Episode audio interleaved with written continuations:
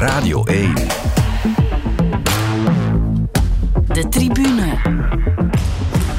Met David Naert.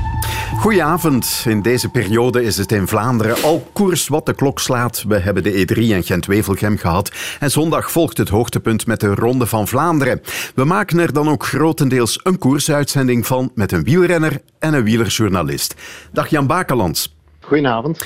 En dag Jonas Creteur, journalist bij Sportvoetbalmagazine. Goedenavond. Uh, Jan, laat mij bij jou beginnen. Uh, jij rijdt bij Intermarché Wanty Gobert. Je lag al vast als gast, ook voor de tribune, nog voor de overwinning van je ploegmaat. Uh, Binyam Girmay, gisteren in Gent-Wevelgem. Maar dat noem ik dan een gelukkig toeval. Jij was zelf aan de slag in de ronde van Cat Catalonië. hoe heb je die overwinning van Girmay gisteren kunnen beleven? Um, om geen overlap te hebben uh, binnen de World Tour koersen, als die uh, online worden, worden gebroadcast op tv, zijn er uh, bepaalde slots waarin dat die wedstrijden worden, worden uitgezonden. En dus was ehm, de Ronde van Catalonië gisteren, die startte bijzonder vroeg. de rit startte rond 11 uur. Wij waren om 2 uur binnen, wat ergens goed was. Zo konden wij ook de finale van Gent-Wevelgem nog zien in de luchthaven. Dus in de luchthaven hebben wij de laatste 40 kilometer kunnen kijken. En dan uh, kunnen zien hoe de William ja, fantastisch won. Ja, daar gaan we straks uitgebreid op ingaan. Die ronde van Catalonië, vertel eens, hoe was het daar eigenlijk? Um, ja, dat is geen gemakkelijke ronde. Uh, ik heb daar een paar keer gereden.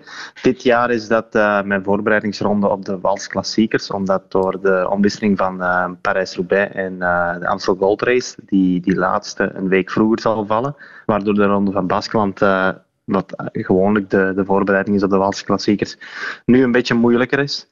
En um, ja, het is meer als voorbereiding geweest. Uh, tegenwoordig moet echt uh, eh, 100% klaar naar dat soort koersen gaan. En het is meegevallen. Ik ben 19 in het klassement geworden. Zaterdag werd ik nog zesde in de rit. Dus ik kijk tevreden terug en ik blik hoopvol vooruit naar, naar de klassiekers om te beginnen de Amstel. Maar je zei me gisteren dat het wel echt wel zwaar was. Ja, het was bijzonder zwaar. Dus uh, als je kijkt naar de, ja, de, de omstandigheden, het is uh, niet, niet, niet, uh, niet, niet vaak. Dat, het gebeurt slechts zelden dat er in de Ronde van Catalonië regendagen tussen zaten. Maar nu de eerste rit en de rit van zaterdag hebben we heel de tijd in de regen afgewerkt. Het parcours was bijzonder lastig ook.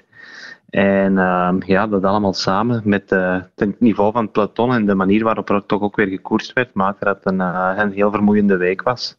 Ja, en dat gaat misschien wat voorbij uh, aan het gros van het publiek hier. Want ja, je weet hoe Vlaanderen is en het Vlaams wielervoorjaar. Eens uh, ja, de koers hier in Vlaanderen zo, is, dus, gaat alle uh, aandacht daar naartoe. Hè?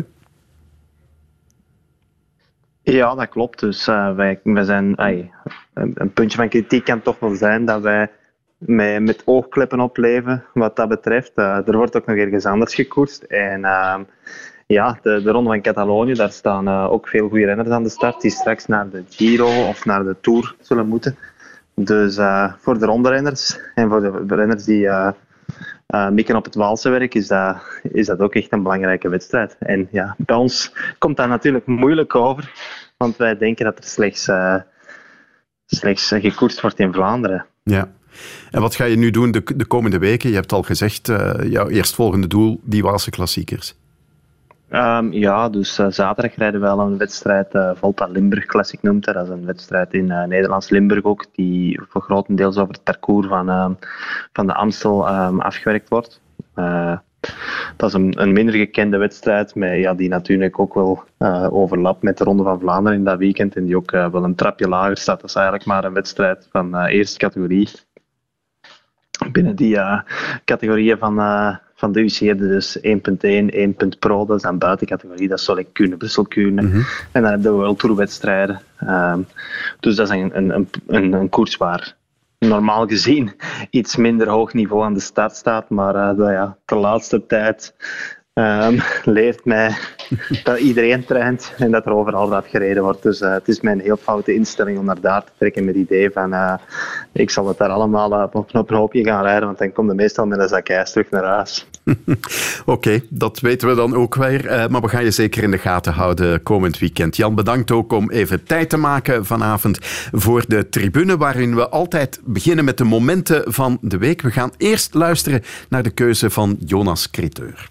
We kunnen deze laat afsluiten met prachtig nieuws dan nog uit de sport. Want Luna Hendricks is daarnet tweede geworden op de wereldkampioenschappen kunstschaatsen.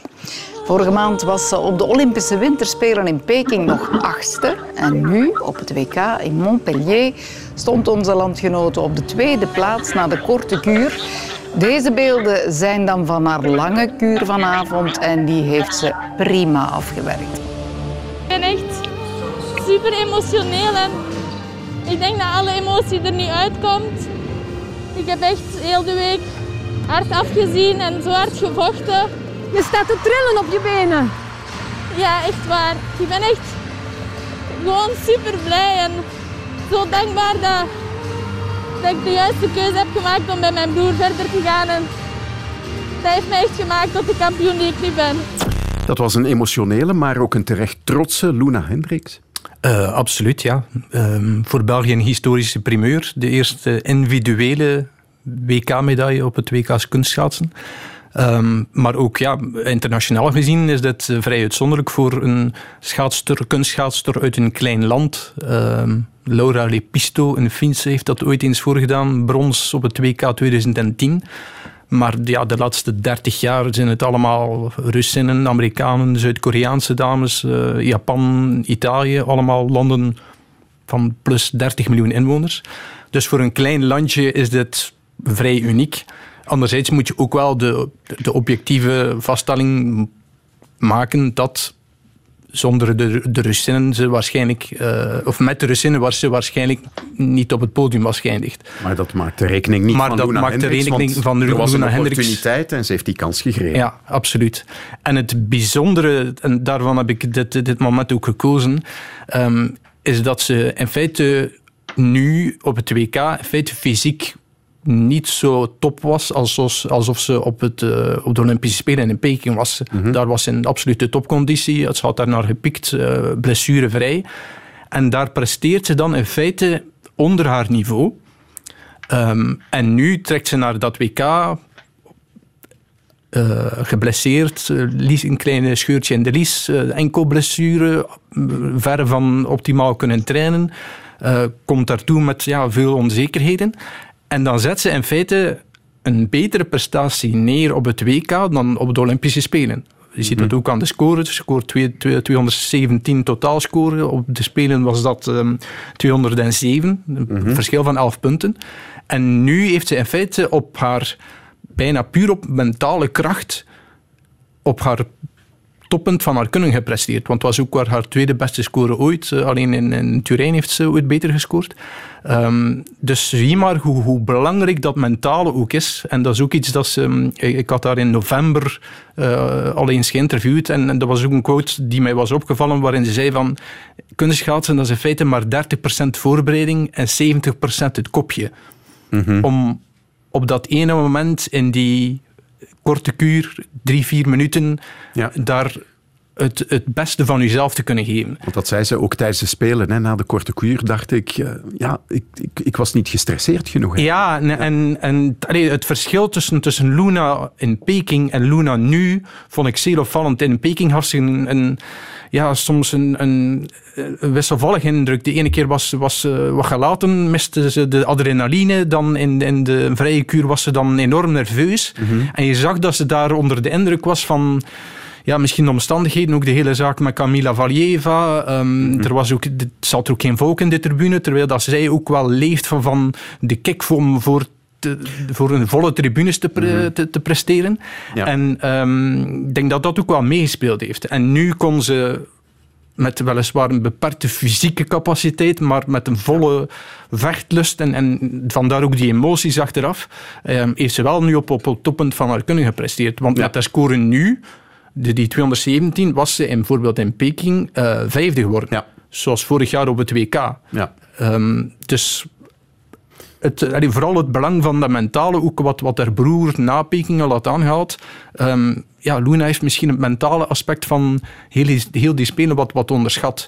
Ja. En nu heeft ze, heeft ze zich daar wel kunnen overzetten en ja, um, het, het beste uit zichzelf haalt. En ik denk dat ze daar zeer trots op mag zijn. Ja, knappe sportvrouw. Trouwens, over Olympische sporten gesproken. Het is nogal onderbelicht gebleven, maar dit weekend ook uh, Jessie Kaps, die brons won op het EK schieten, 10 meter luchtgeweer. Dat is ook een Olympische sport. Onze Belgische sportvrouwen zijn goed op dreef. Ja, maar dat, ja, um, dat verdwijnt dan in de nevelen van, van de van de sportgeschiedenis. En zeker te, als dat gebeurt in, in het Vlaamse voorjaar van, van het wielerseizoen. Um, dat is jammer, zeker dan voor, voor die kleinere sporters. Maar um, het bewijst ook dat, dat we zelf ook in, in die kleinere sporten um, dan niet altijd uit de lucht hoeven te vallen als ze dan plots op de Olympische Spelen een, een medaille zullen halen. Je weet maar nooit. We gaan uh, haar ook blijven volgen. En dan gaan we naar het moment van Jan Bakelands. En wat zou dat nu wel kunnen zijn? Binyam Girmay, good morning. Good morning. What do you think of the atmosphere in Iber?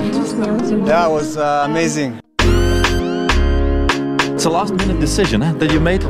Yeah, of course. It's yeah, almost uh, Friday night. So. Het is nu echt wel volop koers hè, in die uh, finale in Gent-Wevelgem. Weer een groepje voorop. Aanval van uh, Christophe Laporte. En wie krijgt hij mee? En dat was heel goed gezien. Greg van Avermaat. Greg van Avermaat reageerde meteen met uh, die Girmay. Wat kan die jongen eigenlijk niet? En die Girmay, ja, die jongen heeft hier nooit gekoest. You know, from the start to the finish line, I just go with, uh, with Ike. He is my, uh, my road. You know, he just tell me left, I go left. He just tell me follow, I just follow. Nu, Birniam Germay. Sorry, ik denk eerlijk gezegd dat dat zuiver de snelste is van dit viertal. Een man die nogmaals ja, hoge ogen heeft gegooid op dat WK bij de belofte vorig jaar. Die droomt van grootste dingen. Ze zijn nog altijd niet begonnen aan de sprint. Laporte aan de leiding. Ze hebben Laporte de leiding opgedrongen. En Girmay gaat. Girmay gaat als eerste. Biniam Girmay. Een Afrikaan voor Gent-Wevelgem. Een historische overwinning zou het zijn. Een historische overwinning gaat het zijn. Girmay wint Gent-Wevelgem. Biniam Girmay. Dit is uh, wielergeschiedenis. Dit is wielergeschiedenis. Ja, Jan Bakelands, gewoonlijk vragen we dan waarom heb je dit gekozen? Hier is het een overbodige vraag. Ja, ik denk het wel. Het is uh, de afgelopen dag al uitvoerig belicht. Um, iedereen vindt het en het is ook een, een historische overwinning. Het is um, ja, voor de eerste Afrikaan die een, een, wielerklassieker wint.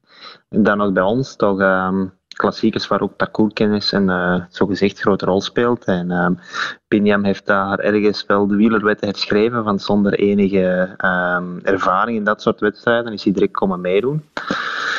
Um, belangrijk daarom te vertellen is dus um, dat hij vrijdag de E3-prijs Harelbeken had gereden. Mm -hmm. um, dat was uh, in de winter al zo in de performanceplan opgenomen, dat hem daar van het Vlaamse werk de eerste keer ging mogen proeven. Nu, dat was uh, meer dan meegevallen, dus achter een outstanding uh, Wout van Aert en Christophe Laporte zat uh, Biniam goed mee in een, in een achtervolgende groep van een man of 15. hij wordt daar vijfde in die wedstrijd, als ik juist ja, ben. klopt. En dat, dat, was, dat, was absoluut ver boven de verwachting al. Um, een tweede kanttekening die we moeten maken hieromtrent is dat dus uh, Intermarché Wanti um, een beetje strijdt voor zijn behoud in de World Tour. Dus het belangrijk is dit jaar om uh, zoveel mogelijk World Tour punten uh, bij elkaar te sprokkelen. Um, om, dat, uh, om dat behoud te verzekeren. We liggen in balans met een paar andere ploegen. Dat is ondertussen ook al tot vervelend toe uitgelegd. Onder andere met Lotto Sudal en met ja, Israël, de Startup Nation, die zich nu toch ook zorgen moeten beginnen maken. Um, ja, Arkea, dat is, dat is een, een, een, gewonnen positie dat die hebben, denk ik, stilaan. Mm-hmm. En ik denk dat wij na deze overwinning ons ook wel ja, stil aan de rijk mogen beginnen rekenen. Um, dus in dat performanceplan was in de winter opgenomen dat het interessanter zou zijn voor Binion Girmay om na um, van uh, Harelbeke geproefd te hebben naar La Tourangelle in Frankrijk af te zakken. Een koers dus, zoals ik daar juist heb gezegd, van een iets lager niveau waar dan ja. verwacht wordt dat er gemakkelijker gewonnen kan worden en verhoudingsgewijs wel meer punten te rapen zijn. Maar je moet het natuurlijk nog altijd doen. Um, om een voorbeeld te geven, die 19e plaats in Catalonië, World Tour, voor mij, dat zijn 24 punten. Als je achtste wordt in La Roue Tourangelle, heb je 25 punten. Ah ja.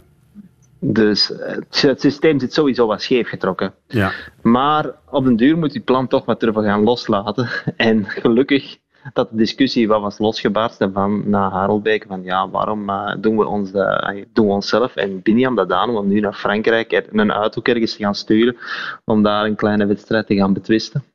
Waarom houden we hem niet uh, gewoon in geen twijfelgem? Ja. En gelukkig heeft de reden gezegevierd, want niet alleen is het een, ja, een ontdekkingstocht geweest voor Biniam, maar uh, ja, het heeft ook enorm gerendeerd. Want uh, ja. het winnen van La Roue en Tourangel, wat nog niet vanzelfsprekend was geweest, absoluut niet. Uh, zou 125 punten hebben opgeleverd en nu zijn dat er 500, dus ja. dat is vier keer zoveel. Dat is duidelijk. Heb jij eigenlijk al veel tijd met hem doorgebracht in de ploeg? Um, ja, mijn eerste wedstrijden dit jaar dat waren de Mallorca, de wedstrijden op Mallorca, de Mallorca Challenge. Ja. Um, en daar won Binyam direct uh, recht van uh, Eritrea afkomend, uh, de tweede rit geloof ik. En ja, voor de rest, um, hij is vorig jaar halverwege het jaar bij ons in de ploeg gekomen. En hij heeft direct um, ook toen een wedstrijd gewonnen. Maar ik had zelf een, een afwijkend programma, dus echt veel hebben we niet samengereden. We hebben elkaar wel gezien natuurlijk in, uh, in de kennismakingsdagen in november. En ja, daarop viel me ook al direct op dat, dat wat er nu wordt gezegd van goed lachzijd, um, goed in de groep liggen, um, druk die, die gemakkelijk van iemand afglijdt, dat dat allemaal wel klopt. Dus ik kan de, um, allee, de geruchten alleen maar bevestigen. Ja, uh, Jonas, het is op zich al merkwaardig dat iemand als uh, Girmay bij Intermarché is terechtgekomen. Hè? Ja, dat is een beetje toevallig gekomen. Hè. Dus um, uh, is begonnen als prof bij um, Nipo Delco Marseille, een kleine Franse ploeg. Um, na zijn uh, beloftejaar. die ploeg is vorig jaar in zware financiële problemen gekomen, terwijl ze hem nogthans zijn contract hadden verlengd tot 2024. Mhm. Maar dus ja, in het voorjaar zware financiële problemen. Ze moeten personeel afdanken. Uh, de ploeg wordt dan zelfs eind mei totaal opgedoekt. Ja, dan, dan uh, staat hij op straat bij wijze van spreken. Maar zijn manager, Alex Carrera, dat is ook de manager van, uh, van Pogacar... Um, ja, hij is toen binnen rondbellen en, en um, hij heeft verschillende ploegen aan de lijn gehad. Onder meer heeft hij mij uh, op het WK in Leuven, waar Girmay tweede was geworden, heeft hij mij verteld uh, dat hij onder meer met Lefevre had gesproken. Mhm. Hoe concreet dat was, ja, dat is vaak soms managerpraat. Um, maar blijkt vooral dat uh, het project van Intermarché hen heel goed aanstond. Waarom? Omdat ze daar veel meer dan bij een topploeg als Quickstep hen konden beloven dat hij daar een, een meer een vrije rol zou krijgen. Een, een, misschien zelfs soms zoals kopman zou uitgespeeld worden. En dat wilde hij zelf ook heel erg graag. Um, bovendien stond Intermarché ook wel bekend als, als een meer een, een familiale ploeg. Um, en dat blijkt ook dat, dat Girmay wel, wel een, een, een ja. zeer gevoelige jongen is, familieman. Um, en dat hij zich daar wel heel erg goed voelde. En met, met een, een vaderfiguur of een opa-figuur als Hilaire van der Schuren kan ik me dat wel voorstellen. Um, dus um, heeft Carrera uh, toch ook de, misschien een verstandige beslissing genomen om dan misschien ook niet zelfs voor het, het, een groter loon te kiezen, maar voor het project van Intermarché, waar zijn renner het beste zou bij passen. Ja. En ja, blijkt nu ook dat dat, uh, dat, dat wel rendeert. Ja, klopt dat, uh, Jan, dat, dat Intermarché inderdaad... Oh, ik, denk, ik denk dat, dat, dat dit toch allemaal ook een beetje een afbreuk doen is aan aan de waarde van de sportieve cel en de performance cel die we binnen de ploeg hebben. En die daar natuurlijk ook uh, al, mm al, wel uh, wakker waren op het moment dat het nodig was om wakker te zijn. En ik denk dat het al te gemakkelijk is om alle verdiensten hier in de schoenen van uh, Carrera te gaan schuiven. Want ik ben er zeker van dat ze ergens anders ruim meer kon verdienen. Dat een manager, zo zijn ze uiteindelijk toch allemaal, wel in die richting zou zijn gaan denken. Mm -hmm. Dus ik denk dat wij op het juiste moment de ogen open hadden. En ja, de temperatuur van de markt goed hebben aangevuld, zeker. Aangevoeld. En ook ja, misschien op een, op een vroeger moment dan, dan andere ploegen um, ons bewust waren van, uh, van het potentieel van Girmay. Want ja, ja, laat ons wel wezen, vorig jaar, uh, twee jaar geleden, dus twee edities geleden werd hij al tweede, denk ik, in Trofeo La Guelia, die ondertussen een lastige koers geworden is. En vorig jaar was ik daar zelf ook en kan ik bevestigen dat het zeer hoog niveau was. Wordt uh, Girmay daar toch ook zevende. Dat is een heel ander type wedstrijd dan uh, het Vlaamse werk, dus dat toch kort is en, en de sprinter goed ligt. Dat is echt wel meer naar het... Dat mag echt gerust qua parcours inschatten naast iets zoals Luik, Bastenaken, Luik. Dus ook daar toont hem wel zijn potentieel. Waarmee ik je nu natuurlijk niet wil zeggen dat ik hem ooit Luik, Bastenaken, Luik zie winnen. Mhm. Hij uh, stapt vanavond het vliegtuig op naar uh, Eritrea. Uh, vind je het jammer, Jan, dat hij de Ronde van Vlaanderen niet rijdt? De, de neutrale wielerliefhebber vindt dat uiteraard jammer, hè? Want na wat ja, we dit weekend heb, hebben gezien... zelf op Twitter het idee gelanceerd waarom dat we niet even als ploeg dat ticket voor, dat, voor die vrouw en, en, en zijn dochter betalen. Dat die een week naar België komen om naar de koers te zien en dan binnen even die koers afhaspelt. Um, want ik, uh, allee, ik blijf erbij. Een coureur in vorm moet ook uh, wel de vruchten plukken van zijn conditie. En ik denk dat het jammer is. Um, ik denk dat ik zelf uit ervaring mag spreken. Het is niet elk jaar dat de puzzelstukjes perfect in elkaar passen. En momenteel passen ze voor hem heel goed in elkaar. Um, dan moet er soms toch eens een, een beslissing, een impulsieve beslissing die initieel niet gepland was, durven nemen. Dat is ook vaak, en we hebben het daar juist over gehad, um, bij Luna Hendricks, dat is vaak mentaal makkelijker om dragen. Als je er geen hele winter op vast hebt gepind en op uh, nerveus hebt gemaakt, dan is het vaak, als, uh, als het ineens vanzelf gaat, gemakkelijker om je naar een topprestatie te dwingen dan als je er een hele, hele winter al hebt, uh, mm-hmm. hebt vastgelegd. Dat zijn alleen de superkampioenen dat dat kunnen. Dat heb ik alleen nog maar bij een Wout van Aert gezien, bij een Gilbert. Ja, en bij de echt allerbeste, die kunnen zich zeggen van in de winter al, ja, ik ga nu uh, de Tour de France later winnen, of uh, mm-hmm. ik ga X rit winnen, of, of dat of dat doen.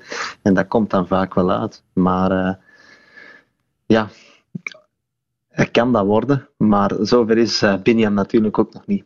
Ja, hij is, hij is ook nog maar 21 natuurlijk. Er rest hem nog een, een lange carrière sowieso, ja. Dat is ook iets dat je ter verdediging kunt zeggen. Hij zal ja. nog veel Ronde van Vlaanderen kunnen rijden. Ja. Maar uh, geen Ronde van Vlaanderen dus voor hem, want zo vertelde hij vandaag de afspraak met zijn vrouw is dat hij deze week zou thuiskomen. Of course, when you start the season, I talk with my schedule. So I tell already to my wife, she accept. And then I, me, I also accept. So, but now if she tell, yeah, one week longer, also she's, you know, it's not easy. So that's why I also really like because I spend all my time in Eritrea with my family. So that's why it's more important for me. Ja, de optie om de familie over te vliegen naar Vlaanderen is blijkbaar niet bekeken. Maar uh, Jan, wat natuurlijk wel speelt, hij is drie maanden weg van huis, van vrouw, een kindje van één jaar. Dat is ook een zware opoffering natuurlijk voor een kerel van 21. Absoluut, dat is een context die wij misschien als Europeanen niet goed begrijpen en uh, die, die voor ons moeilijk te kaderen valt. Maar het is niet evident om vrouw en kind naar Europa te krijgen. Ik denk dat hij dat al wel geprobeerd heeft en dat dat voor de tweede helft van het jaar wel gepland staat. Hij woont in San Marino ondertussen. Mm-hmm. Om die toch deels daar te krijgen, maar inderdaad, met visa en met paspoorten is dat blijkbaar toch echt wel uh, heel moeilijk. Dat is ook eigenlijk wel een reden waarom dat veel ploegen ervoor afschrikken om um, Afrikanen vaak in de ploeg te krijgen omdat het toch tot heel veel administratieve ellende kan leiden en dat je niet altijd zeker bent dat je je renner aan de start zult krijgen. Ja. En ja, alle begrip natuurlijk voor zijn beslissing. Hè. En ergens toont dat ook, ja, ook mentale sterkte aan, omdat je tot een plan kunt beperken. Ja. Um, en ja, wij Vlamingen hebben het daar soms moeilijk mee. En de, allee, we kunnen dat dan ook bijvoorbeeld... Een ander voorbeeld is als Wout van Aert zegt, nee, ik ga niet naar 2K veldrijden. Ook al weet hij van, als ik ga, dan win ik dat op 1 been. Want dat past nu niet in mijn plan. Dan, is het dan, allee, dan beginnen we ook direct daar rond te pushen, van zouden dat toch niet doen. Maar uh, hij doet dat dan niet en hij plukt daar nu ergens de vruchten van. En ik denk, ja, als Binjam het uh, zo heeft afgesproken met zijn vrouw, dan, uh, dan hebben we die beslissing natuurlijk wel ja. alleen maar te accepteren. Ja, wij kennen Eritrea natuurlijk ook niet zo goed, uh, maar het is uh, helemaal niet zo evident, hè, Jonas? Want blijkbaar uh, verplicht de overheid de topsporters om om de drie maanden sowieso terug te keren naar Eritrea. Wel ja, ik, ik, ik laat mij vertellen dat hij um, een, een Schengen-visum heeft. Wat, wat inhoudt dat je op een periode van 180 dagen, maximum 90 dagen in Europa kunt verblijven is, um, zei Hilaire van der Schuren gisteren toegekomen in Europa op 3 januari. Als je die dagen optelt, dan, ja, dan uh, zal hij een van de komende dagen, of het einde van de week, aan, aan 90 dagen zitten. Dat is misschien ook een van de redenen waarom dat hij gewoon terug naar huis moet en wil. Um, anderzijds ja, ook puur die menselijke keuze. Um, Hij verjaart zelf, zijn kindje wordt één jaar.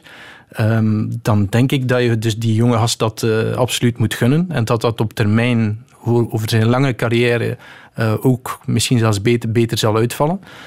Um, maar ja, blijft wel ook een feit, zoals Jan aanhaalt, dat um, voor Afrikaanse renners het niet evident is om hun, hun visum te verkrijgen, uitreizenvisum. En dan met name dan in Eritrea, want het, het wordt vaak vergeten dat dat een... Uh, dat is een dictatuur. Hè. Dat, is, um, dat is het enige land in Afrika dat ook Poetin steunt in de oorlog tegen Oekraïne. Um, persvrijheid, meningsvrijheid, dat bestaat daar allemaal niet. Ja, ja, want we waren ook aan het kijken om een uh, journalist van de VRT naar daar te sturen. Maar dat gaat niet, daar journalisten mogen daar niet ja, binnen. daar raak je dus niet zomaar binnen en ook niet zomaar uit. Ook niet als Eritreër. Um, daar, daar geldt blijkbaar ook een dienstplicht, verplichte dienstplicht van 18 maanden, um, die dan met 10 jaar verlengd kan worden. Deserteurs worden daarop uh, ja, neergekogeld, bij wijze van spreken. Um, dus, dus uitreisvisa mm -hmm. zijn verre van evident. Dus, dus ja. vandaar ook dat dat je zou zeggen, zoals als Jan inderdaad mooi voorstelde, van halen ze zijn vrouw en kind naar hier, maar zo simpel is dat niet. Mm -hmm. zeker niet in, in zo'n dictatuur. Dus, dus, um... ja. Maar we leren er wel meer over, over Eritrea. Ook dat wielrennen daar een uh, erg populaire sport is. Ik ben benieuwd naar het onthaal uh, dat hem daar wacht wanneer hij arriveert, uh, Germay. En voor zijn vertrek vanmiddag gaf hij nog een druk bijgewoonde persconferentie in Zedelgem, was het, denk ik. Heel wat belangstelling en dat was toch wel wennen voor hem. I really don't like to to be like this in front of cameras. This, but I really like cycling, winning. But I really don't like the famous guy. You know, to go everywhere. This, this, this camera photo. When you win, the first guy, me, it's, it's also a bit pressure. You know, because like you, everyone is looking on you, and everyone talking about you.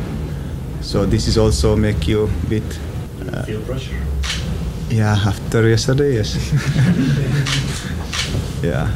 Do you see so. yourself as a role model? Uh, no, I'm still uh, see myself like like before. So. Ja, er is toch wel wat druk nu op de schouders van uh, Binyam Girmay. Jan, hoe gaat hij daarmee moeten leren omgaan, denk je? Ja, het zou, het zou hypocriet zijn om te zeggen dat de situatie niet veranderd is. Hè, maar ja, in eigen land was hem al, uh, al, al groot. Dus uh, nu, nu zie je wel dat de buitenwereld daar ook op springt. En ja, het risico is natuurlijk dat iedereen aan hem, aan hem wat gaat beginnen trekken. Maar zoals ik hem ken, staat hem uh, nuchter genoeg daarin om, om toch ja, close te blijven tot de mensen die voor hem belangrijk zijn. Mm -hmm. En ik denk dat raadgeving ook van die mensen voor hem echt, uh, dat, hij, dat hij daar ook echt naar luistert. Daar ben ik zeker van. Dat, ja. Ja. Dus ik denk, ah, ik heb weinig, weinig schrik dat hem echt naast zijn schoenen gaat lopen of dat, hem, uh, dat de mensen profijt gaan proberen te doen van hem of gaan kunnen doen. Ja. Als we naar Girmay als renner kijken, uh, voor zover je dat kunt analyseren, maar je kent hem toch beter dan, dan Jonas en ik. Uh, wat zijn zijn sterke punten? Waar kan hij nog in groeien? Ja, het belangrijkste wapen dat hij heeft is zijn snelheid. Hij, mm -hmm. In Mallorca daar won hem een massasprint.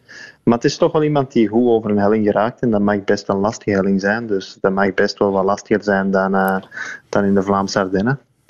Dus ja, als je een helling overgeraakt en je bent snel aan de meet, dan heb je het potentieel om bij, de, om bij de profs heel veel wedstrijden te winnen. En ja, ik, uh, ik denk dat dat ook zijn toekomst is. Iemand die veel wedstrijden zal winnen, vaak in de sprint. En ja, ik denk dat dat zo wel is. Ja. Um, Thijs Sonneveld uh, schreef vandaag over hem, want hij is de eerste zwarte wielrenner, de eerste Afrikaanse wielrenner moet ik zeggen, die een, uh, een wielerklassieker heeft kunnen winnen, dat hij de wegbereider is voor een heel continent. Is dit echt een kantelpunt, denk je, Jan? Ik weet het niet. Uh, het spreekwoord één vogel maakt de lente niet uh, is hier ook wel op zijn plaats, denk ik. Want het, het zijn, er zijn nog Afrikaanse renners die het geprobeerd hebben, maar die dan toch altijd net dat tikkeltje tekort komen. En er zijn vooral nog goede Afrikaanse renners uh, in, uh, uit Eritrea, die ook in het World Tour peloton rondrijden. maar die niet dat niveau van succes hebben dat Biniam nu heeft. Dus om nu te gaan direct zeggen van het wielrennen in Afrika gaat nu volledig doorbreken en die gaan uh, overnemen. Mhm. Zoals je toch ergens kunt zeggen dat de Colombianen bij de, de, ja, de zwaardere heuvelwedstrijden hebben gedaan. Allee, als je ziet in welke mate dat die daar aanwezig zijn, als we even abstractie nemen van, uh, van een paar Slovenen, dan, dan, ja, dan zijn de ereplaatsen en de overwinningen in de lastigere bergritten toch heel vaak Colombiaans getint. Ja. Dat denk ik niet. Ik denk niet dat het zo snel zal gaan. Wel denk ik dat het nog meer aandacht naar de sport kan brengen en die kan helpen groeien. Maar dan is het volgens mij heel belangrijk dat dat goed gekanaliseerd wordt en dat dat, ja, dat de juiste mensen um, daarvan gaan profiteren om de sport te doen groeien. En dat niet, ja, zoals nu ook altijd weer uh, in hetzelfde model een beetje spaak blijft lopen. Zoals we uh, het hele, we gaan dat nu niet oprakelen, maar het hele, uh, de hele economie van het wielrennen, waarin ASO toch um, ja. een belangrijke stakeholder is, dat die ook hier weer um, het belangrijkste profijt van zouden doen. Mhm. Dus ja, ik weet het niet. Ik denk dat het vroeg is om te zeggen dat, dat Afrika nu uh, aan de vooravond staat van zijn grote doorbraak. Ik denk dat we vooral blij moeten zijn um, over nog meer diversiteit die in het peloton komt Ja. en die vooral zo de sport nog meer kan doen groeien. Ja, op dit ogenblik dacht ik, zijn er maar vier zwarte Afrikanen in de 18 World Tour ploegen, maar misschien dat na wat we dit weekend hebben meegemaakt, uh, de ploegen misschien eerder geneigd zullen zijn om toch die stap te zetten en die administratieve romslomp er dan maar bij te nemen. Ja, ik denk wel als, als er nu berichten of geruchten uit Afrika, Afrika komen van renner X of Y haalt die waardes. Um,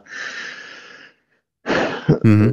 Dat er sneller zal gezegd, zal gezegd worden binnen kamers dan waarom proberen we toch niet die jongen een kans te geven en dat er zo misschien meer onontdekt talent um, zal gaan uh, ontluiken. Wat misschien ook de beste oplossing zou zijn, is dat er nu effectief stappen worden gezet in, in de weinige wedstrijden die er in Afrika gespeeld worden, dat de belangrijkere ploegen ook naar daar afzakken en dat die renners zich effectief, zoals dat Biniam eigenlijk gedaan heeft, x aantal jaar geleden in de Tropicala Missa Bongo, een, een kleine rittenwedstrijd in, uh, in, in Afrika, waar hij dan uh, in de sprint André Grijpel klopt en toen was iedereen een beetje meewarig aan toen met kijk, Grijpel, hij is ondertussen 8 of 39 en nu laat hem zich ook al kloppen door een junior, want Biniam was toen 18 jaar. Um, dat daar misschien toch wat meer belang aan gehecht wordt aan, aan prestaties van, uh, van Afrikanen in die wedstrijden en dat die zo ja, ontdekt worden. Mm-hmm. Ik denk wat dat betreft dat we nu daarvan de stap voorwaarts gaan doen. Jonas, wat denk jij? Um, wel, ik denk dat we vooral het, het, de rol van het WK in Rwanda 2025 uh, ook moeten aanhalen. Dat is natuurlijk nog drie jaar. Um, maar dat is een organisatie die zeer veel weerklank zal krijgen, met name dan in Afrika zelf. Meer dan, dan nu de zegen van, van, um, van Girmay en Gent-Wevelgem. Want we mogen die zegen en de weerklank daarvan in Afrika ook niet gaan overschatten. Want dat is Girmay ook, ook in feite zelf van... In, in Eritrea kennen wij vooral de Tour en de Giro, gezien de link ook met Italië, ex-kolonie. Mm-hmm. En, en dan nog uh, ja, een Parijs-Roubaix en, en de grootste klassiekers. Maar van geen twee zullen ze daar waarschijnlijk nog niet van gehoord hebben. Um, dus ik denk, het is vooral belangrijk dat, dat zoals Jan ook zegt, um, dat dit niet één zwaluw is, maar dat Girmay effectief kan doorgroeien tot echt een, een wereldtopper die nu ook één, uh, een rit zou winnen in een Giro wat in Eritrea, gezien die band met Italië, nog groter nieuws zou zijn. En dat hij dan vooral ja, wereldtop wordt, grote klassiekers kan winnen. En met oog dan op uh, het, het WK in Rwanda, als hij daar als, als de man kan starten, dat dat ja. wel in een periode van drie jaar, want het zal niet zomaar uh, vanaf volgend jaar plots gaan exploderen. Dat, dat, uh, dat is ook een werk van, van langere adem. Ja. Dus dan mogen we zeker niet verwachten dat het nu plotseling uh, allemaal zal omkeren. Ja. Eén ding nog uh, over uh, Binyam Girmay, uh, Jan. Ik las dat zijn grote idool Peter Sagan is. Daar gaat hij niet veel plezier meer aan beleven, denk ik. Ja, ik weet het niet, ja. Hij is al vaker afgeschreven ondertussen. Het is natuurlijk niet meer de oude Sagan. Maar ja, in, in Milan Sanremo leek het redelijk goed te gaan tot hem daar uh, mechanische pech kreeg. Dus daar heeft hij zijn kansen niet kunnen verdedigen. Misschien gelukkig voor hem achteraf bekijken. En inderdaad, de laatste wedstrijden waren, waren niet goed. Ja, hij uh, komt ook niet aan de start in de Ronde van Vlaanderen. Daar heeft hij uh, op dit ogenblik met zijn huidige vorm blijkbaar weinig te zoeken. En dat is begrijpelijk. De tribune. Zondag dus die Ronde van Vlaanderen. En als we naar de vorm van de ploegen kijken, ja, dan steekt Jumbo-Visma er toch wel bovenuit. Dat zagen we zeker afgelopen vrijdag in de E3. Uh, maar Jan, ik ga de vraag misschien eerst aan jou stellen. Wat betekent dat eigenlijk voor de Ronde van Vlaanderen? Is dat een, een beslissende factor dat je de dominante ploeg eh, bent? Of is de ronde toch niet eerder een wedstrijd waar het man tegen man wordt gespeeld? Ja, het is niet zoals bij voetbal, waarbij dat je de voorgaande... Oei, we horen jou niet zo goed meer, Jan. Oei. Nu is het weer beter, ja. ik zeg ja, het is, het is niet zoals... Allee, elke wedstrijd gaan de, gaan de tellers terug op nul. Dus het is niet omdat je een vorige wedstrijd gewonnen hebt, dat je daarom in de Ronde van Vlaanderen meer kans maakt. Alleen, doordat je die vorige wedstrijd gewonnen hebt, wil dat wel zeggen dat je een goede conditie hebt en dat je licht gaat meedoen. Maar natuurlijk, ehm, de andere renners... Ehm, er komen nieuwe renners bij, zoals Van der Poel. Um, daar Horst Pogacar. Um, ja. En dan de renners die er al waren, zoals bijvoorbeeld Asgreen, maar die toch altijd uh, elke week weer wat beter wordt na zijn, uh, zijn coronabesmetting in februari. Dus het is niet omdat, omdat um, Jumbo vrijdag alles kapot heeft gereden, dat dat uh, zondag ook zo zal zijn. En die renners die een pak slagen hebben gehad, ik denk dan vooral aan de renners van AG Reserve, van Lotto, die, die moeten zich ook dat verhaal, dat riedeltje um, aan zich blijven op, opdrammen, om, om toch in hun kansen van zondag te blijven geloven. Mm -hmm. Dus ik denk, Lotto Jumbo heeft zeker een goede uitgangspositie, maar ik verwacht dat ze minder dominant gaan zijn dan... Um, dan vrijdag. Ook omdat die extreme dominantie wel een beetje tegen hun zal keren. Denk je dat ook, Jonas? Uh, ja. Normaal gezien is, is de E3-prijs een, een, zeer goede waarde, waardemeter voor de Ronde van Vlaanderen. Dat blijkt ook uit alle uitslagen van de voorbije tien jaar. Uh, waar de winnaar van de Ronde van Vlaanderen telkens in de top 4 eindigt van, van de E3-prijs. Uh, behalve Cancellara en, en die negende was. En, en Neuns die dan uh, 38ste werd of zoiets in de, in de E3-prijs. Um, maar nu is het wel, zoals Jan zegt, het grote verschil is dat, dat de grote twee opponenten van Jumbo-Visma er vrijdag niet bij waren. Zijnde Van der Poel en al dan niet met ook Pogacar, maar iedereen verwacht toch dat hij er ook zal bij zijn. Mhm. Mm -hmm. uh, plus ook um, uh, een bijkomend aspect. Um, de Ronde van Vlaanderen is dit jaar 272,5 kilometer. Dat is de langste editie sinds uh, 98. Um, met blijkbaar ja, nog een paar bijvoegingen in, in, in, de, in de hellingenzone. Um, ja, dat is 70 kilometer, nog een keer meer dan de E3-prijs. Um, ik denk dat ook dan een, bijvoorbeeld een Asgreen een grote motor als, als hij, die toch ook, uh, ook in Gent-Wevelgem toch vrij goed voor de dag kwam, dat die in de Ronde van Vlaanderen nog beter zal, zal, uh, zal rijden. Misschien als enige kopman van, van Quickstep. Um, dus we mogen niet de fout maken en denken, en dat doen ze bij Jumbo-Visma ook niet, denk ik, um, want dat hebben ze ook sterk benadrukt, dat, dat ze nu in de Ronde van Vlaanderen alles zullen oprollen.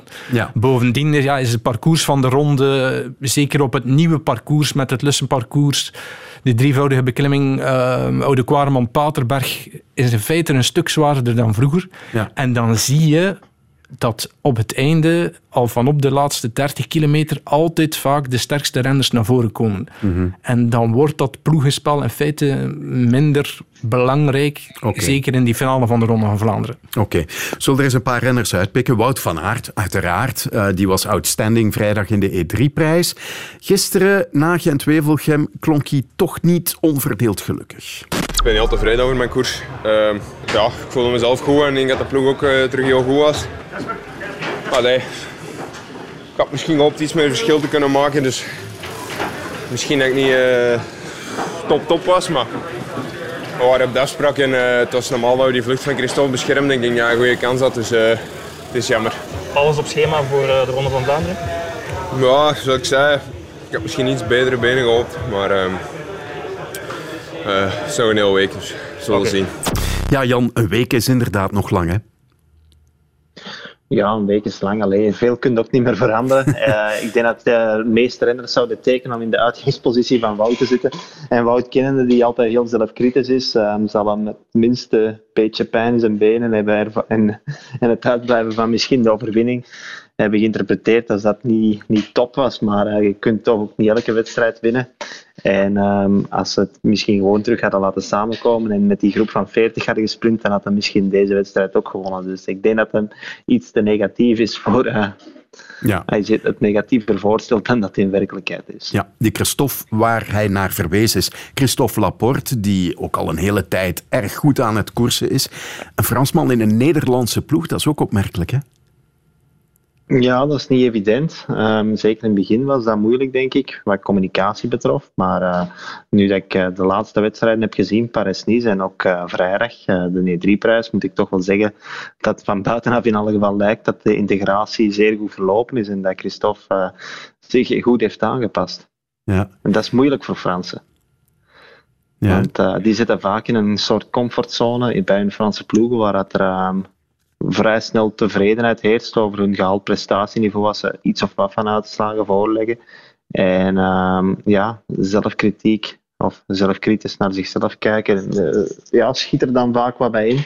En um, ja, die wentelen zich in een soort comfortzone die dat er dan ontstaat. En je ziet vaak de Fransen die echt uh, de stap durven zetten naar een ploeg, uh, een internationale ploeg, dat die het echt beter gaan doen. Ja, ja. De exponent is natuurlijk Alaphilippe. Absoluut, ja. Dat, dat is absoluut zo. Uh, Jan noemde hem daarnet een dark horse, Tadej Pogacar. Uh, Jonas, ik zal misschien de vraag naar jou uh, doorspelen. Ja, hoe onbekende factor is hij eigenlijk? Hij rijdt woensdag ook dwars door Vlaanderen. Uh, maar ik vond wel terug dat hij uh, enkele jaren geleden de Ronde van Vlaanderen voor belofte wel ja, is daar, heeft. Dus helemaal onbekend terrein is het niet. Is daar vijftiende geworden, dacht ik, in, ja. die um, editie. Heeft ook uh, als junior twee keer Paris-Roubaix gereden. Um, dus het is, voor hem geen onbekend terrein. Um, dus ik denk niet dat dat voor, voor Pogacar zo'n groot probleem zal worden. Ook omdat hij binnen de ploeg wel, wel gidsen heeft um, om hem te begeleiden. Zoals in feite uh, nu ook door de Vlaamse Ardennen en in de, de uh, heuvelsone is begeleid door, Pascalon, uh, Adrien Petit en zo. Um, dus en, en zoals ik daarnet aanhaalde, de, de Ronde van Vlaanderen is op het einde zo zwaar dat vooral dan, dan de pure conditie naar boven komt. Um, en dan, ja, dan, dan denk ik niet dat, dat Pogacar ja, veel hinder zal ondervinden van zijn gebrek aan parcourskennis. Daar, daar zullen ze bij, bij UAE ook, ook alles aan doen. Um, en dan vraag ik mij vooral af van, hoe Pogacar zou koersen samen met Van der Poel tegen het, Jumbo-Visma-blok. Um, want stel Pogacar en Van der Poel op de Hotond Kruisberg, 30 kilometer voor de finish, uh, zetten al aan. Wat, wat, zullen ze dan doen bij Jumbo-Visma? Zal, zal Van Aert reageren? Kan Laporte dan mee? Kan Benoot dan mee? Um, en voor hetzelfde geld rijden ze dan met z'n drieën naar de finish. Dus, dus, um, want ik denk niet dat Pogacar kan ook niet wachten. Uh, tot misschien die laatste Paterberg of, of de laatste Quaremont. Dus, dus um, ik verwacht een zeer offensieve Pogacar. Al dan niet gesteund door Van der Poel. Alhoewel dat die nu waarschijnlijk toch iets verstandiger of, of kalmer zou rijden gezien zijn, zijn voorgeschiedenis van de laatste weken. En omdat hij ook al geleerd heeft van ja, ik mag toch niet te veel met mijn krachten gaan smeten. Wat hij vorige week wel gedaan heeft in een kopje Bartali, maar dat was weer een kleinere wedstrijd om, om zijn conditie nog wat te gaan opkrikken. Um, dus dus uh, ja, het wordt zeer interessant dat ploegenspel van, uh, van Jumbo-Visma ten opzichte van die twee grote individuen en dan ja, al dan niet het, het blok van Quickstep daarnaast nog. Mm. Ja, dat ja. nu wel zware klappen gekregen heeft. Maar ik, ik benadruk nogmaals, ik denk dat we als Green absoluut niet mogen afschrijven. Ja, daar gaan we het zo meteen nog over hebben. Uh, eerst wil ik Jan toch ook even vragen naar zijn kijk op ja, dat spel tussen Jumbo-Visma enerzijds, Pogacar, Van der Poel anderzijds. Ja, we kunnen dat wat breder opentrekken. Hè. Uh, uh, Jumbo-Visma rijdt natuurlijk uh, met een groot kruis op hun rug. Vooral Wout is daar volgens mij een beetje slachtoffer van. Zit nu in een, in een situatie waarbij hij enkel kan verliezen. Het is de enige echte vijfsterren favoriet dat er zal zijn. Voor de rest, ja, Pogacar, wat hij weegt op zo'n parcours. Fysiologisch gezien is dat de sterkste renner aan de start. Um, het zal kampen worden met Wout, maar in watt per kilo zal het toch uh, Pogacar zijn. Maar de Ronde van Vlaanderen is toch vooral een vlakke wedstrijd met wat korte hellingen. En dat is natuurlijk niet de specialiteit van Pogacar. Dus of we nu echt moeten gaan verwachten dat hij uh, daar alles gaat kapot komen rijden. Het zou fantastisch zijn voor het wielrennen, want het zou het een pak spectaculairder en nog onvoorspelbaar en gelukkig wat meer onvoorspelbaar maken. Want zoals het er nu aan toe gaat, uh, wordt de koek altijd maar verdeeld tussen dezelfde renners die, die in hun specialiteit komen meedoen. Maar ik zelf geloof er niet echt in. Um, ik denk uh, dat dat toch niet echt zijn ding is. En ik denk dat Van Aert en Van der Poel op dit parcours hem altijd gaan kunnen volgen en in de sprint zullen kunnen kloppen. Maar ja. ik denk wel dat de ploegmaats van Van Aert wel eens uh, zouden kunnen profiteren van, van de manier waarop dat er uh, naar Wout gekeken wordt. Mm-hmm. Zeker als hij een iets mindere dag heeft en uh, de rest te laat door heeft dat Wout een mindere dag heeft, maar bijvoorbeeld uh, Benoot daarop heeft geanticipeerd of Laporte. Dus ja. die twee zeker. En wie dat ik heel indrukwekkend vind rijden momenteel, eigenlijk indrukwekkender dan IJsgreen, is uh, Soren Krach Andersen. Mm-hmm. Dat was heel indrukwekkend op de Poggio in Milaan-Sanremo. Toen dat die aanviel, toen stond zelfs Pogacar op barsten. En zonder uh, een korte beurt van Van der Poel had uh, Van Aert daar geplooid, denk ik. Dus die was toch ook weer heel goed gisteren in, uh, in, in een wedstrijd die hem volgens mij niet eens echt goed ligt. Um, geen Twijfelgem, dus daar is zeker rekening mee te houden. Ja. Jan, kan dat dat uh, Søren Krach Andersen niet zou rijden? Ik dacht dat ik dat vandaag of vorige week had gelezen dat zijn, op zijn programma um, de ronde was geschrapt en dat hij zou focussen op de Ardense klassiekers. Dat zou heel verrassend zijn. Maar nee, ik vond het ook een, een, een, een, zeer bizarre keuze gezien zo zijn huidige vormpeil. Nooit bij, uh, ja. Zeg nooit nooit bij, bij, bij, bij DSM. Ja. Uh, bij DSM, die maken wel eens meer verrassende keuzes. Want als er nu één ding is waar ik van overtuigd ben dat Søren Krach Andersen geen kans heeft om te winnen, dan is het wel Luik Bas Nakelaak. Ja. ja, want tenslotte was hij op uh, de Poggio de, de man die, die daar de, de, ja, de, de zwaarste aanval heeft gelanceerd. Hè. Dus ja, um, ja. hij was gisteren inderdaad ook wel goed. Dus ja. zou mij ook een bizarre keuze lijken, maar uh, ik had dat toch zo gelezen. Ja, dus jij gaat hem wellicht nog tegenkomen dan, Jan. Hè? Een van de komende ja. weken. Ja. um, de In naam... dezelfde groep zal het ongeveer zijn dan. ik geloof nooit dat hij met de beste, in geen duizend jaar, met de beste de Rochefoucauld overkomt. Ja, dat uh, moeten we dan over enkele weken bespreken. Um, de naam Asgreen is hier even gevallen. Um, Quickstep Alpha Vinyl zit een beetje in de hoek waar uh, de klappen vallen. Ook gisteren niet van pech gespaard gebleven. Dit is wat uh, Yves Lampaard te vertellen had na Gent-Wevelgem. Asgreen was beter dan vrijdag, denk ik. Maar toch nog niet de Asgreen van vorig jaar, denk ik. Goh, ja, ik kreeg natuurlijk een heel stuk minder vrijheid. het was ook wel een meer gesloten koers. En dan was poker in die groep denk ik vooraan. En ze rijden met vier weg, dat is een beetje loterij natuurlijk. Uh, maar ik denk dat die zeker wel in orde is hoor, we mogen dat niet onderschatten. Maar goed ja, we hebben ook ons deel van ons pech weer gehad. Uh, valt, uh, Ballerini valt plat op een slecht moment. Bert zakkelt wel met zijn rug. Het is niet simpel, we zitten een beetje in de hoek waar de, de klappen vallen. Dus ja, het is doorbijten en we komen stilletjes aan wat terug. Ja, we zijn het zo gewoon hè, dat jullie altijd domineren in die wedstrijden. Ja, hoe moeilijk is het om nu te zien dat een andere ploeg het commando overgenomen heeft? Het is een beetje zoals dat wij jaren gereden hebben. Nee. En, uh, dat is natuurlijk moeilijk. Uh, ja. Real Madrid wint ook niet ieder jaar Champions League. Maar Asgreen, daar wou ik het nog over hebben. Ik vind dat hij best wel goed oogt. Hè? Is hij niet helemaal weer waar hij moet zijn? Bah ja, hij is uh, besmet geweest met corona aan het begin van het seizoen. Um, heeft dan langzaam hervat. Um, bleek toch dat hij in de Strade Bianchi, wat niet 100% zijn parcours was, toch ook sterk voor de dag kwam. Um, vrijdag in de E3-prijs, in de Saxo Classic, um, uh, Saxo Bank Classic, ja, op de, op de Paterberg zat hij iets te ver.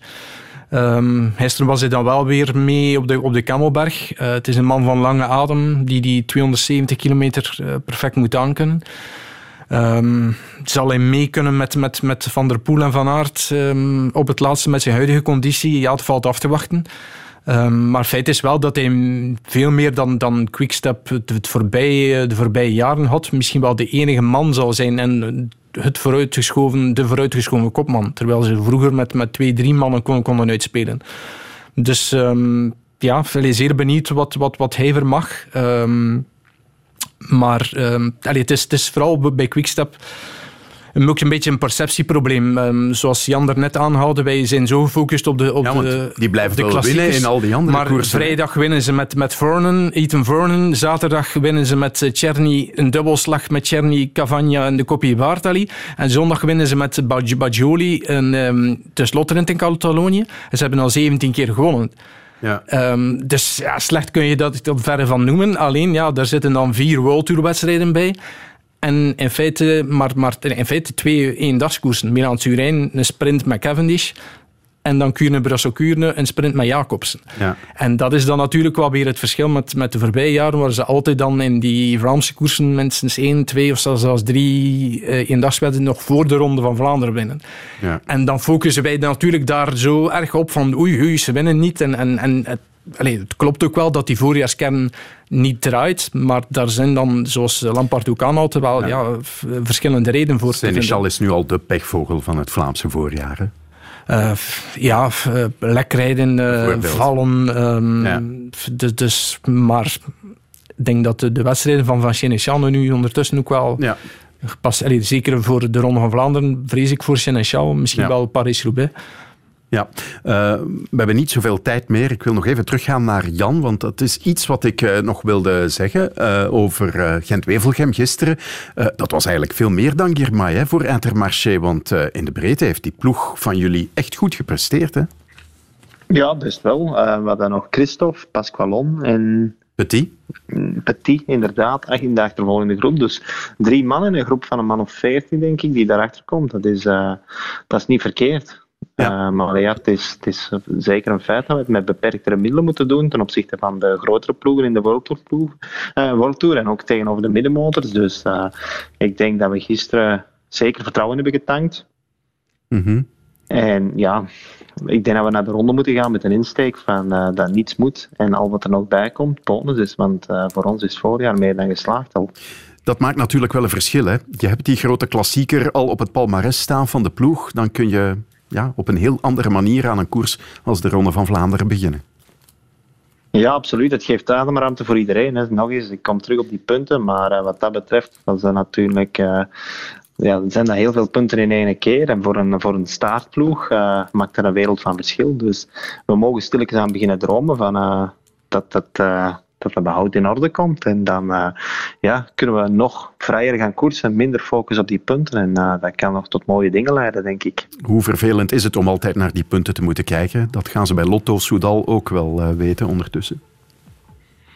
Ja, vervelend, omdat de, de, alleen de tien meest scorende renners van de ploeg um, tellen, komen in aanmerking voor het puntentotaal van de ploeg. Mm -hmm. Dus in bepaalde situaties wordt effectief de kaart van iemand anders van iemand getrokken, omdat het interessanter is de punten met die renner te scoren, omdat die al ja, binnen de eerste tien staat. Ja. Dus ja, oké. Okay. Zeker later. Geeft dat, geeft dat problemen. Ja, uh, en daar moeten we het bij laten, Jan, want ja, onze tijd is nu helemaal op. Jan Bakelands en Jonas Creteur, bedankt om erbij te zijn. Dit was de tribune. Fijne avond nog.